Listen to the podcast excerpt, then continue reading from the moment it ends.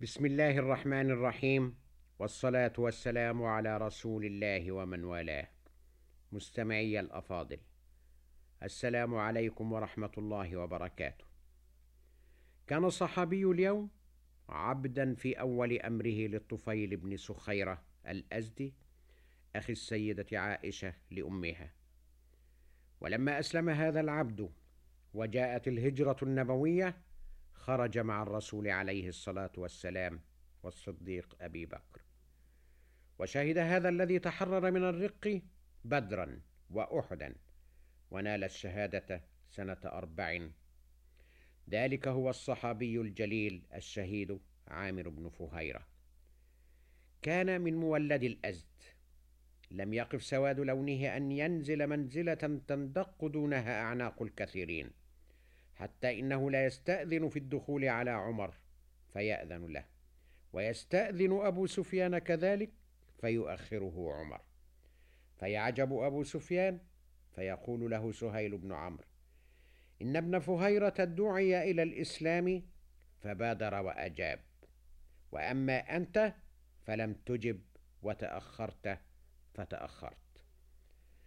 كان من جراء ذلك أن تقدم عامر بن فهيرة في الدخول على أمير المؤمنين وتأخر أبو سفيان وهو من هو في جاهليته بل إنه الرجل الذي جعل نبي الرحمة من دخل بيته يوم الفتح.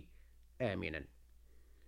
كان عامر مملوكا للطفيل بن عبد الله وسمع بالإسلام وهو لا يزال في رقه ومملوكا له وعرفه فتفتح له قلبه فبادر إلى شهادة الحق وشهد أن لا إله إلا الله وأن محمد رسول الله.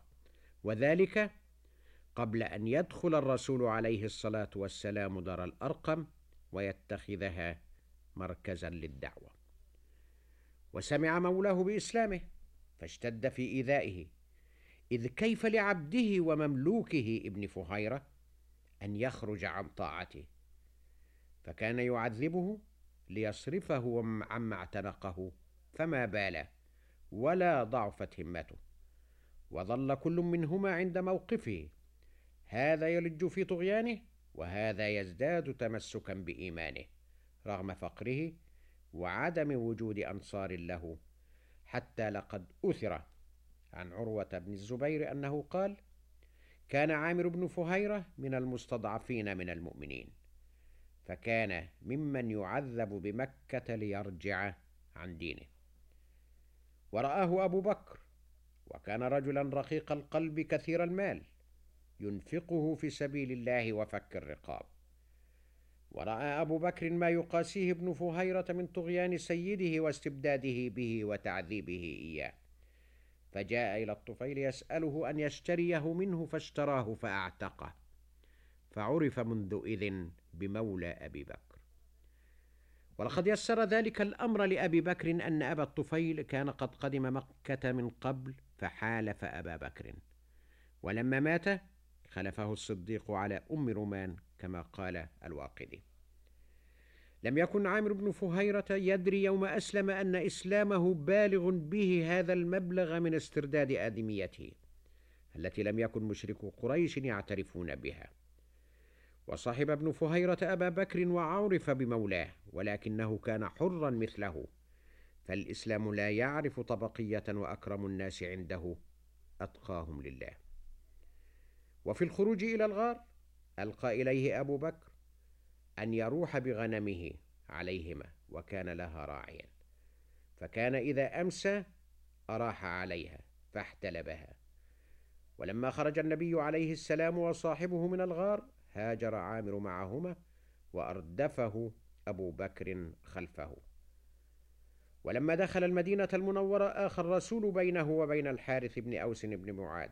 ومنذ ذلك الحين بدأت سلسلة جهاده في أيام الإسلام. وكان استشهاده رضي الله عنه يوم بئر معونة. طعنه جبار بن سلمى الكلبي طعنة نافذة فصاح ابن فهيرة فزت والله فزت والله. وقال قاتله لقد ذهب بعامر علوا في السماء حتى ما أراه وبحث القوم عن جثته فلم توجد. وروى بعضهم عن السيدة عائشة رضوان الله عليها أنها قالت رفع عامر بن فهيرة إلى السماء فلم توجد جثته. وقال الصادق الأمين المأمون إن الملائكة وارت جثته وأنزل عليين. وكان استشهاده آية لقاتله إذ أسلم وهكذا كان موته نجاة لرجل من النار إلى الإيمان. فأكرم بعامر بن فهيرة حيا وأكرم به يوم رفع مع الصديقين. مستمعي الكرام شكرا لكم على إصغائكم وإلى حديث الغد بإذنه تعالى مع قصة صحابي آخر والسلام عليكم ورحمة الله وبركاته.